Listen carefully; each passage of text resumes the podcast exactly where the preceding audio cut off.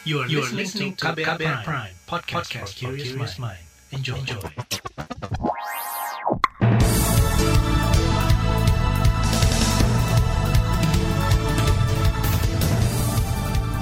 Selamat pagi saudara, senang sekali kami bisa menjumpai Anda kembali melalui program Buletin Pagi edisi Jumat 23 April 2021. Bersama saya, Naomi Liandra. Sejumlah informasi pilihan telah kami siapkan di antaranya. Presiden perintahkan maksimalkan pencarian kapal selam KRI Nanggala 402. Belanja negara kuartal 1 tumbuh 15,6 persen. Walhi sebut banyak proyek pembangunan nasional cemari lingkungan di Jawa Barat. Inilah Buletin Pagi selengkapnya. Terbaru di Buletin Pagi. Presiden Joko Widodo memerintahkan Panglima TNI Hadi Cahyanto serta instansi lainnya memaksimalkan pencarian kapal selam KRI Nanggala 402 yang hilang kontak sejak Rabu dini hari. KRI Nanggala 402 ini hilang kontak saat tengah melakukan gladi resik latihan torpedo di perairan utara Pulau Bali. Presiden menegaskan fokus utama pencarian kapal selam KRI Nanggala 402 adalah keselamatan awak kapal. Saat ini Panglima TNI dan Kasal memimpin langsung upaya pencarian di lapangan. Saya juga telah memerintahkan Panglima TNI, Kasal, dan Basarnas bersama-sama dengan instansi terkait lainnya untuk mengerahkan segala kekuatan dan upaya seoptimal mungkin melakukan upaya pencarian dan penyelamatan. Prioritas utama adalah keselamatan 53 awak kapal. Itu tadi Presiden Jokowi. Kapal selam NRI Nanggala 402 belum juga ditemukan usai lebih dua hari sejak hilang kontak. Kapal tersebut membawa 53 awak. TNI Angkatan Laut menyebut pencarian KRI Nanggala 402 yang hilang kontak di perairan Bali berpacu dengan waktu. Kepala Staf TNI Angkatan Laut Yudo Margono memperkirakan oksigen dalam kapal selam tersebut hanya mampu bertahan hingga 72 jam dalam kondisi kapal padam. Saya terima kasih. Jadi kemampuan oksigen uh, KRI apabila kondisi uh, blackout seperti sekarang ini, kalau diperkirakan blackout itu mampu 72 jam, jadi kurang lebih tiga hari. Sehingga kalau kemarin saat uh, hilang kontak jam 3, hingga nanti bisa sampai hari Sabtu jam 3, sehingga 72 jam. Kepala Staf TNI AL Yudo Margono berharap KRI Nanggala 402 bisa segera ditemukan sebelum oksigen di dalam kapal habis. Kata dia, TNI menurunkan lima kapal pencari dan satu helikopter. Beberapa di antaranya telah sampai di lokasi pencarian. Indonesia, kata dia, juga telah meminta bantuan dari Singapura dan Malaysia untuk menemukan kapal buatan Jerman tersebut. Bahkan India telah mengirimkan armadanya membantu mencari KRI Nanggala 402. Kasal menjelaskan dari magnetometer KRI Rimau ditemukan kemagnetan yang tinggi di titik kedalamannya kurang lebih 50 hingga 100 meter melayang dan diharapkan kemagnetan tinggi itu berasal dari kapal selam yang berusia lebih 40 tahun itu. Sementara itu, Menteri Pertahanan Prabowo Subianto mengatakan, alat utama sistem senjata atau alutsista TNI memerlukan peremajaan dan modernisasi. Ia akan mengajukan peremajaan alutsista itu kepada Presiden Joko Widodo, sembari berharap KRI Nanggala 402 yang diduga tenggelam di perairan Bali segera ditemukan kita adalah memang e, karena keterpaksaan dan karena kita utamakan pembangunan kesejahteraan, kita belum modernisasi lebih cepat. Tapi sekarang ini mendesak kita harus modernisasi alutsista kita lebih cepat lagi dan kami yakin, saya yakin bahwa dalam waktu dekat perlengkapan bisa kita modernisasi untuk tiga matra. Menteri Pertahanan Prabowo Subianto memastikan pengadaan alutsista ke depan akan dikelola lebih tertib dan efisien. Sementara itu, komisi yang membidangi pertahanan DPR meminta TNI menyelidiki kondisi kelayakan kapal selam KRI Nanggala 402 yang hilang kontak di perairan Bali. Anggota komisi yang membidangi pertahanan DPR, Muhammad Iqbal, curiga hilangnya kapal selam ini disebabkan kualitas kapal yang sudah menurun karena usia yang mencapai 42 tahun. Dan apakah faktor usia ini yang menyebabkan kapal selam itu malfungsi atau ada kerusakan itu yang harus kita minta kepada Panglima TNI untuk diselidiki. Lalu jika ada alutsista kita yang sudah tidak layak pakai harus ada pembaharuan. Itu yang kita minta di Komisi 1. Jadi kita minta kepada Kementerian Pertahanan dan Panglima TNI untuk segera memperbaharui alutsista-alutsista yang ada yang sudah tidak layak pakai seharusnya jangan digunakan lagi karena resikonya ini kan cukup besar. Anggota komisi yang membidangi pertahanan DPR, Muhammad Iqbal, juga meminta Kementerian Pertahanan mendata alutsista yang sudah tidak layak dipakai bisa terlebih dahulu diremajakan dan diperbarui. Pengamat militer Koni Rahakudini Bakri menilai keandalan kapal selam KRI Nanggala 402 tidak diragukan. Meski banyak dipakai di seluruh dunia, kapal selam buatan Jerman ini perlu diimbangi dengan perawatan, perbaikan, dan pemeriksaan atau MRO yang baik.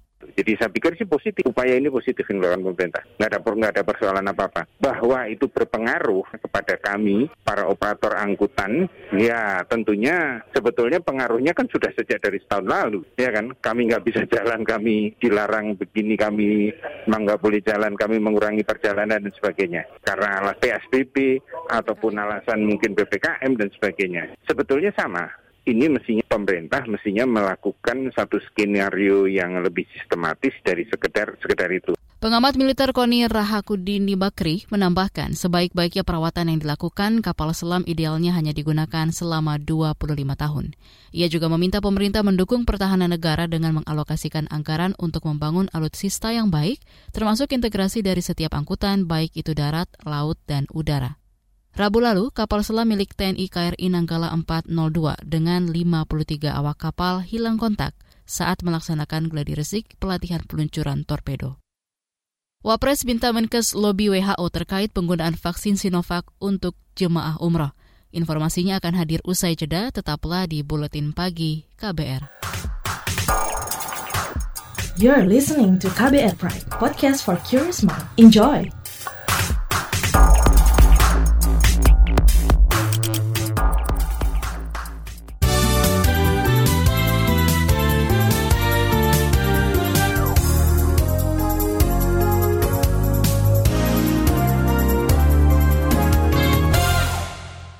Anda sedang mendengarkan Buletin Pagi KBR. Wakil Presiden Maruf Amin meminta Menteri Kesehatan Budi Gunadi Sadikin mendorong perusahaan Sinovac segera mempercepat pendaftaran vaksin CoronaVac agar mendapatkan pengakuan dari Organisasi Kesehatan Dunia WHO.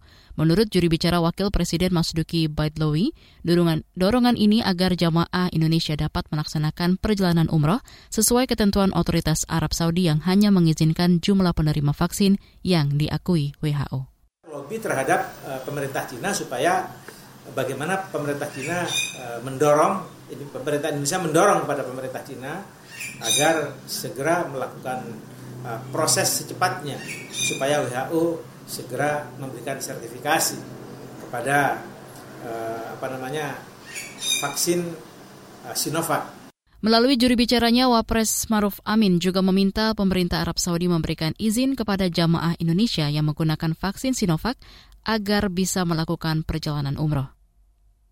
Komisi Pemberantasan Korupsi KPK menetapkan penyidiknya Stefanus Robin Patuju SRP sebagai tersangka pemerasan penanganan perkara. Ketua KPK Firly Bahuri mengatakan tersangka lainnya adalah Wali Kota Tanjung Balai periode 2016-2021 M. Syahrial dan pengacaranya yaitu Maskur Hussein. Kata Firly, perkara ini merupakan temuan KPK dan langsung ditindaklanjuti dengan sepenuhnya ditangani oleh KPK. Saudara SRP ditahan mulai tanggal 22 April 2001 sampai dengan 11 Mei 2001. Tersangka MH ditahan pada rutan KPK cabang Pomdam Guntur. Tersangka SRP ditahan di gedung KPK Merah Putih. Tersangka MS, Wali Kota Tanjung Balai, saat ini masih dilakukan pemeriksaan intensif. Ketua KPK Firly Bahuri menambahkan penetapan tersangka ini setelah tim KPK menyelidiki dengan mengumpulkan barang bukti di antaranya buku rekening bank beserta kartu ATM. KPK juga telah menggali keterangan sejumlah pihak terkait pemerasan sebesar miliaran rupiah tersebut. Organisasi Angkutan Darat Organda menyebut kebijakan pengetatan mobilitas masyarakat akan berdampak pada permintaan penumpang moda transportasi umum untuk lebaran. Sekretaris Jenderal Organda Ateng Aryono meminta pemerintah memberikan bantuan terkait kebijakan yang merugikan pengusaha angkutan tersebut. Jadi saya pikir sih positif, upaya ini positif yang dilakukan pemerintah. Nggak ada, nggak ada persoalan apa-apa. Bahwa itu berpengaruh kepada kami, para operator angkutan, ya tentunya sebetulnya pengaruhnya kan sudah sejak dari setahun lalu. Ya kan, kami nggak bisa jalan, kami dilarang begini, kami nggak boleh jalan, kami mengurangi perjalanan dan sebagainya. Karena alasan PSBB ataupun alasan mungkin PPKM dan sebagainya. Sebetulnya sama, ini mestinya pemerintah mestinya melakukan satu skenario yang lebih sistematis dari sekedar sekedar itu. Sekjen Organda Ateng Aryono mendorong pemerintah memberikan bantuan langsung tunai untuk kru bus, pemberian diskon pajak ataupun bunga pinjaman dalam operasional kendaraan dan lainnya. Kata dia, sejak pandemi, pengelola transportasi hanya mampu mengangkut 30 persenan penumpang. Kita ke informasi ekonomi. Menteri Keuangan RI Sri Mulyani Indrawati mencatat belanja negara hingga akhir kuartal 1 sebesar 523 triliun rupiah. Menurutnya, capaian ini perlu diapresiasi. APBN bekerja luar biasa keras untuk menarik kembali ekonomi masuk ke zona positif, itu yang disebut fungsi counter cyclical. Dan semua sektor, semua pelaku, semua masyarakat mendapatkan sentuhan dari APBN kita. Belanja negara untuk bulan Maret naik 15,6 persen year on year. Itu adalah pertumbuhan yang luar biasa meningkat. Menteri Keuangan Sri Mulyani Indrawati menjelaskan peningkatan belanja ini ditopang oleh komponen belanja kementerian atau lembaga yang tumbuh lebih 41 persen. Selain itu, peningkatan belanja juga didukung belanja non-kementerian atau lembaga yang juga tumbuh 9,9 persen. Kita ke mancanegara. Singapura akan melarang masuk orang yang dalam 14 hari belakangan memiliki riwayat perjalanan ke India. Melansir Reuters, Kementerian Kesehatan Singapura menyatakan bahwa kebijakan ini akan berlaku mulai dini hari nanti bagi seluruh pemegang visa, baik jangka panjang maupun pendek. Selain itu, orang yang punya riwayat perjalanan ke India dan kini sudah di Singapura dan belum melewati masa karantina 14 hari juga diminta melakukan melanjutkan isolasi. Hingga kini, Singapura mencatat total kasus COVID-19 mencapai lebih 60 ribu dengan angka kematian 30 jiwa sejak pandemi berlangsung.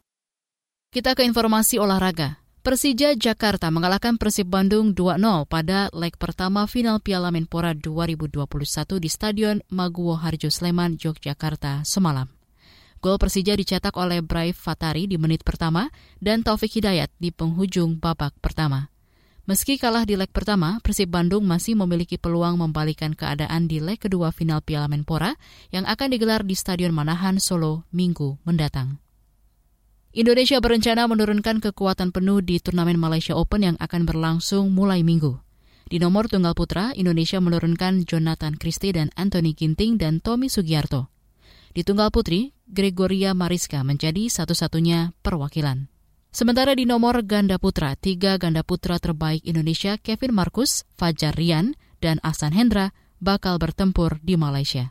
Sedangkan di ganda putri, Indonesia menurunkan Gracia Apriani dan Silva Ripka. Untuk ganda campuran, Indonesia mengirimkan Preven Melati, Hafiz Gloria, dan Adnan Christine. Laporan khas KBR bertajuk Belajar dari Lonjakan Kasus di India akan kami hadirkan sesaat lagi. Tetaplah di Buletin Pagi KBR. You're listening to KBR Pride, podcast for curious mind. Enjoy!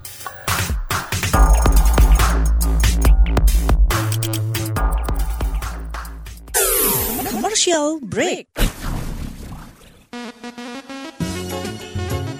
Ya, ada lagu ini pula buat rindu kampung ini. Ah, nelfon mama ah. Apa kabar dia nih ya? Eh, Tigor, lagi di mana kau? Di kosan, Mak. Mama apa kabar? Kuliahmu udah libur kan? Pulanglah kau, nak. Di kampung aja. Nanti kau keluar-keluar kena pula sakit si Corina itu. Eh, siapa namanya itu? Corona kan? Corona betul ya? Eh, ditanya kabar malah panjang mama ini jawab. Nggak boleh pulang, Mak. Kan pemerintah juga menganjurkan untuk tidak ke mana-mana, apalagi mudik atau pulang kampung.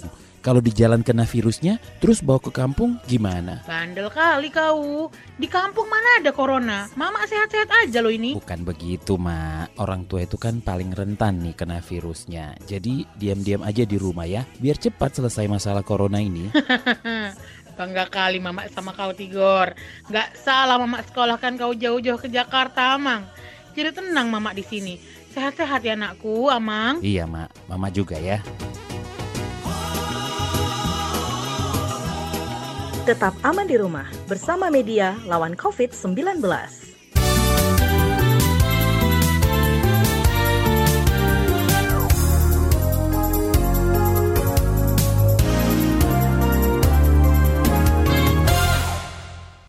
Anda masih bersama kami di Buletin Pagi KBR. India dihantam tsunami corona. Kasus harian melonjak setiap harinya. Rumah sakit kewalahan, pasien meninggal karena kehabisan oksigen. Sejumlah pakar kesehatan meminta pemerintah Indonesia belajar dari lonjakan kasus di India. Apa yang perlu diantisipasi?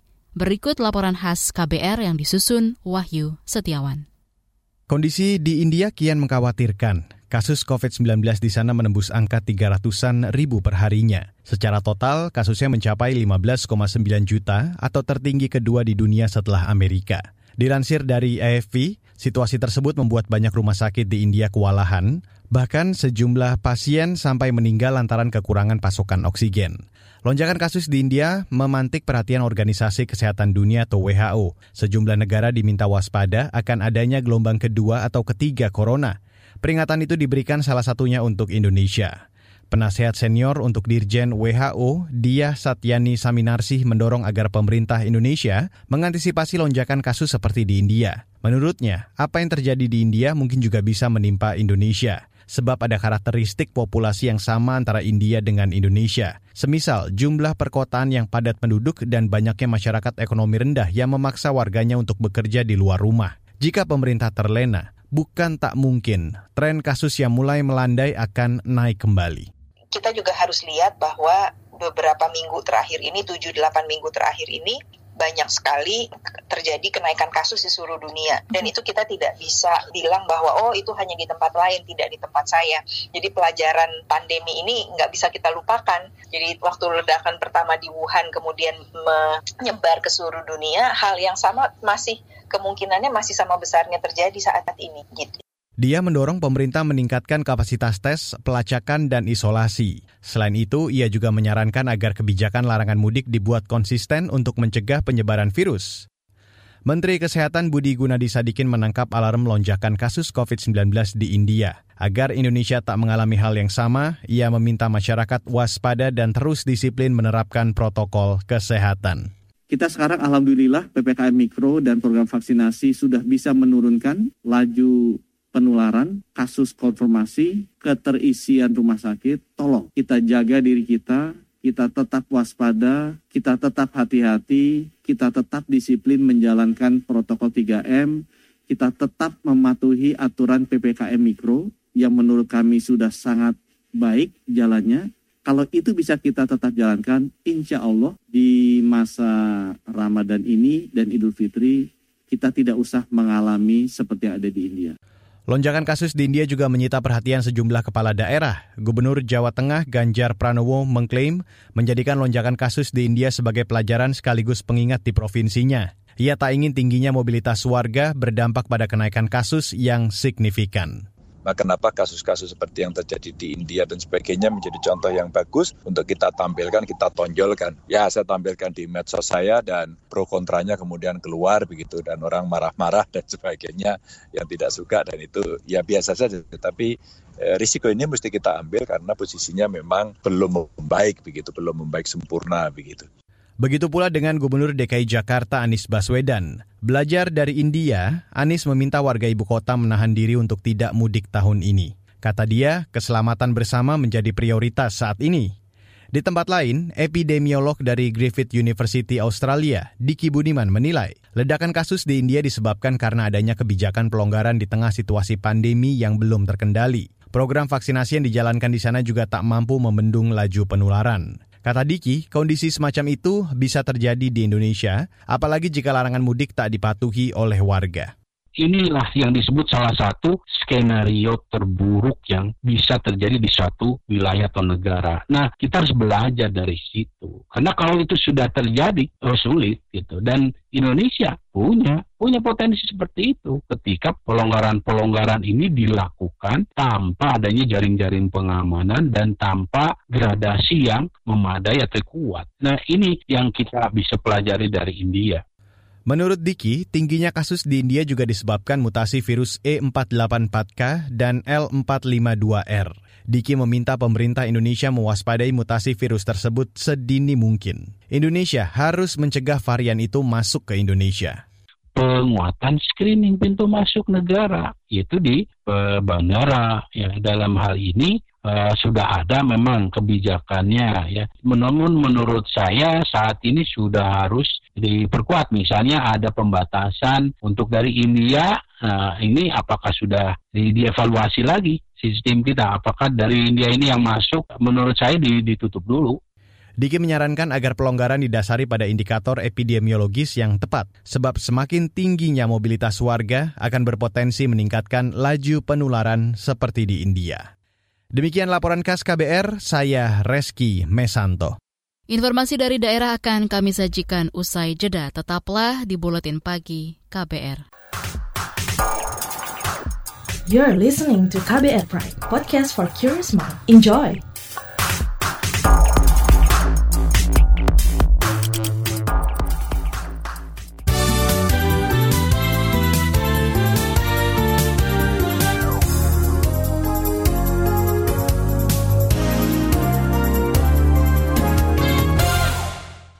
Inilah bagian akhir buletin pagi KBR. Banyak proyek pembangunan nasional di Jawa Barat mencemari lingkungan. Salah satunya menurut LSM Lingkungan Walhi Jawa Barat adalah pendirian Pusat Listrik Tenaga Uap atau PLTU di Indramayu dan Cirebon. Saat melakukan aksi peringatan Hari Bumi di Bandung kemarin, aktivis Walhi Jawa Barat Heru Dinas mengatakan jumlah PLTU yang mendorong perubahan iklim di Jawa Barat terus bertambah rentetan di mana industri ekstraktif sebetulnya dia yang lebih parah gitu ya membawa perubahan iklim ini terjadi gitu ya. Di mana kemudian suhu yang sudah kita ketahui bersama suhu bumi semakin naik lalu juga banyak hal-hal yang kemudian kita sangat mengkhawatirkan kondisi bumi gitu ya. Dengan kebijakan-kebijakan yang diskemakan oleh pemerintah pusat ke daerah. Aktivis Walhi Jawa Barat Hairudinas menjelaskan selain pembangunan PLTU, pembangunan pabrik semen di Sukabumi juga mencemarkan lingkungan. Kita ke Aceh. Bank Indonesia mengatakan sejumlah bank yang tidak memiliki unit syariah akan meninggalkan dan menutup kantor di Aceh pada Juni mendatang. Kepala Perwakilan BI Aceh, Akhri Sarwani, mengatakan penutupan dilakukan karena penerapan kanun lembaga keuangan syariah. Kebijakan itu, kata dia, mengharuskan semua perbankan yang beroperasi di Aceh memiliki unit syariah. Ya sebenarnya non non bank juga juga juga harus syariah. Mau leasing, mau even koperasi harus syariah kalau lihat definisinya kanon di sini tuh. Koperasi, leasing, uh, pegadaian, asuransi, semua definisi lembaga keuangan itu harus syariah. Kepala Perwakilan BI Aceh, Akhris Sarwani menyebut kanun tersebut mengatur seluruh lembaga keuangan termasuk bank yang beroperasi di Aceh wajib dilaksanakan berdasarkan prinsip syariah. Kanun lembaga keuangan syariah ini berlaku sejak 4 Januari 2019 lalu dan seluruh lembaga keuangan di Aceh wajib mengimplementasikan ketentuan tersebut paling lama tiga tahun sejak kanun diberlakukan. Gubernur Jawa Tengah Ganjar Pranowo melarang adanya pelepasan balon udara yang kerap terjadi sepekan pasca Lebaran. Kata Ganjar, balon mengganggu dan membahayakan aktivitas penerbangan pesawat. Dua bulan lalu kali ya kita udah bicara soal itu. Kalau mereka liar nggak boleh, nggak boleh ada balon liar membahayakan penerbangan. Itu titik nggak ada komanya, ya. Tapi kalau tetap mau dilaksanakan, buat festival balon diikat dan itu pernah terjadi. Saya datang waktu itu di Pekalongan, diikat malah bisa dilihat lama, terus ada festivalnya orang malah bisa menilai. Nggak usah tinggi-tinggi, pakai tali saja. Dan itu akan bisa lebih bagus. Gubernur Jawa Tengah Ganjar Pranowo meminta kepala daerah di provinsi itu mengadakan festival balon dengan balon udara untuk mengantisipasi pelepasan balon oleh masyarakat. Dari informasi yang dihimpun KBR, tradisi pelepasan balon liar di Jawa Tengah ini biasa dilakukan di sejumlah kabupaten seperti Pekalongan, Wonosobo, Purbalingga, Banjarnegara hingga Pemalang sepekan setelah Lebaran. Informasi tadi menutup jumpa kita di Buletin Pagi hari ini. Pantau juga informasi terbaru melalui kabar baru, situs kbr.id, Twitter kami di akun @beritaKBR, serta podcast di alamat kbrprime.id. Akhirnya saya, Naomi, bersama tim yang bertugas undur diri. Salam.